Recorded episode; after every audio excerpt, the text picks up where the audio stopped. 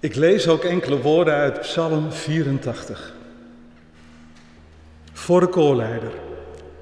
Op de wijs van de Gathitische, van de Koragieten, een psalm. Hoe lieflijk is uw woning, Heer van de hemelse machten. Van verlangen smacht mijn ziel naar de voorhoven van de Heer. Mijn hart en mijn lijf roepen om de levende God. Zelfs de mus vindt een huis en de zwaluw een nest waarin ze haar jongen neerlegt bij uw altaren, Heer van de hemelse machten, mijn koning en mijn God. Gelukkig wie wonen in uw huis, gedurig mogen zij u loven. Lieve mensen, een poosje terug zag ik de film Lion op Netflix.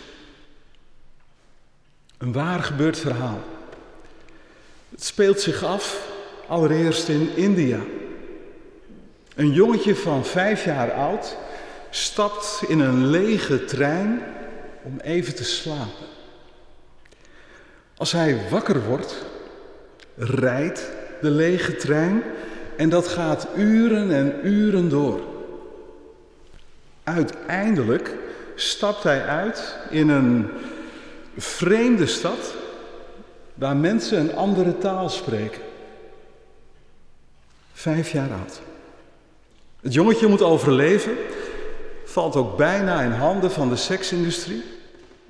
Maar uiteindelijk wordt hij opgevangen en later wordt hij dan geadopteerd door mensen in Australië. Als hij volwassen is, begint zijn zoektocht naar huis. Een onmogelijke opdracht. Bijna obsessief blijft hij zoeken. Bijna per toeval ontdekt hij dan na jaren een afbeelding van het station waar zijn reis begon. Dan kan hij naar huis en ontmoet zijn moeder. Als je de film nog gaat kijken, een tranentrekker. Ik werd gegrepen door zijn zoektocht, zijn verlangen naar thuiskomen, zijn onvrede met het leven zoals hij dat aan het lijden was. Zo van, er ontbreekt iets. Wie ben ik eigenlijk? Wat moet ik met mijn onrust? En juist in deze vragen kom je volgens mij het evangelie op het spoor. Thuiskomen. Een diep gevoel van geborgenheid, je geliefd en aanvaard weten. Eindelijk thuis. Zoals Psalm 84 zegt, gelukkig wie wonen in uw huis. Als ik met mensen in gesprek raak, dan merk ik dat deze woorden twee associaties oproepen. Allereerst denken mensen dan al snel aan de hemel. Een verlangen naar, een zoeken naar een plek waar alles goed zal zijn. Zelfs de meest verstokte atheïsten zijn gevoelig voor deze hunkering. Er moet meer zijn. Iemand als Toon Hermans kon dat gevoel als geen ander verwoorden. Een van zijn liedjes, en ik ga het niet echt zingen, maar gaat ongeveer zo. Er moet toch een plek zijn, een land of een rijk waar iedereen happy is, iedereen gelijk. Er moet toch zo'n plek zijn, of dacht je van nee? Ik weet het niet zeker, maar ik heb zo'n idee. Er moet toch een plek zijn van een ander allooi, ver weg van de haat en het kleine geklooi. Geen roddels, geen pijn, geen ach en geen wee. Ik weet het niet zeker, maar ik heb zo'n idee. Sterven als thuiskomen bij God. En daarmee wil ik pijn en verdriet en gemis niet verdoezelen, echt niet. Maar het is ook een verhaal van hoop en perspectief. Sterven wordt tot thuiskomen. In dat vertrouwen heb ik afscheid genomen van mensen waarmee ik een poosje mocht optrekken.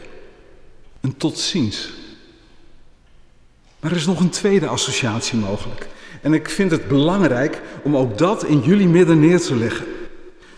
Geloven is namelijk veel meer dan alleen maar stilstaan bij het leven na dit leven. Geloof is vooral ook stilstaan bij het leven hier en nu.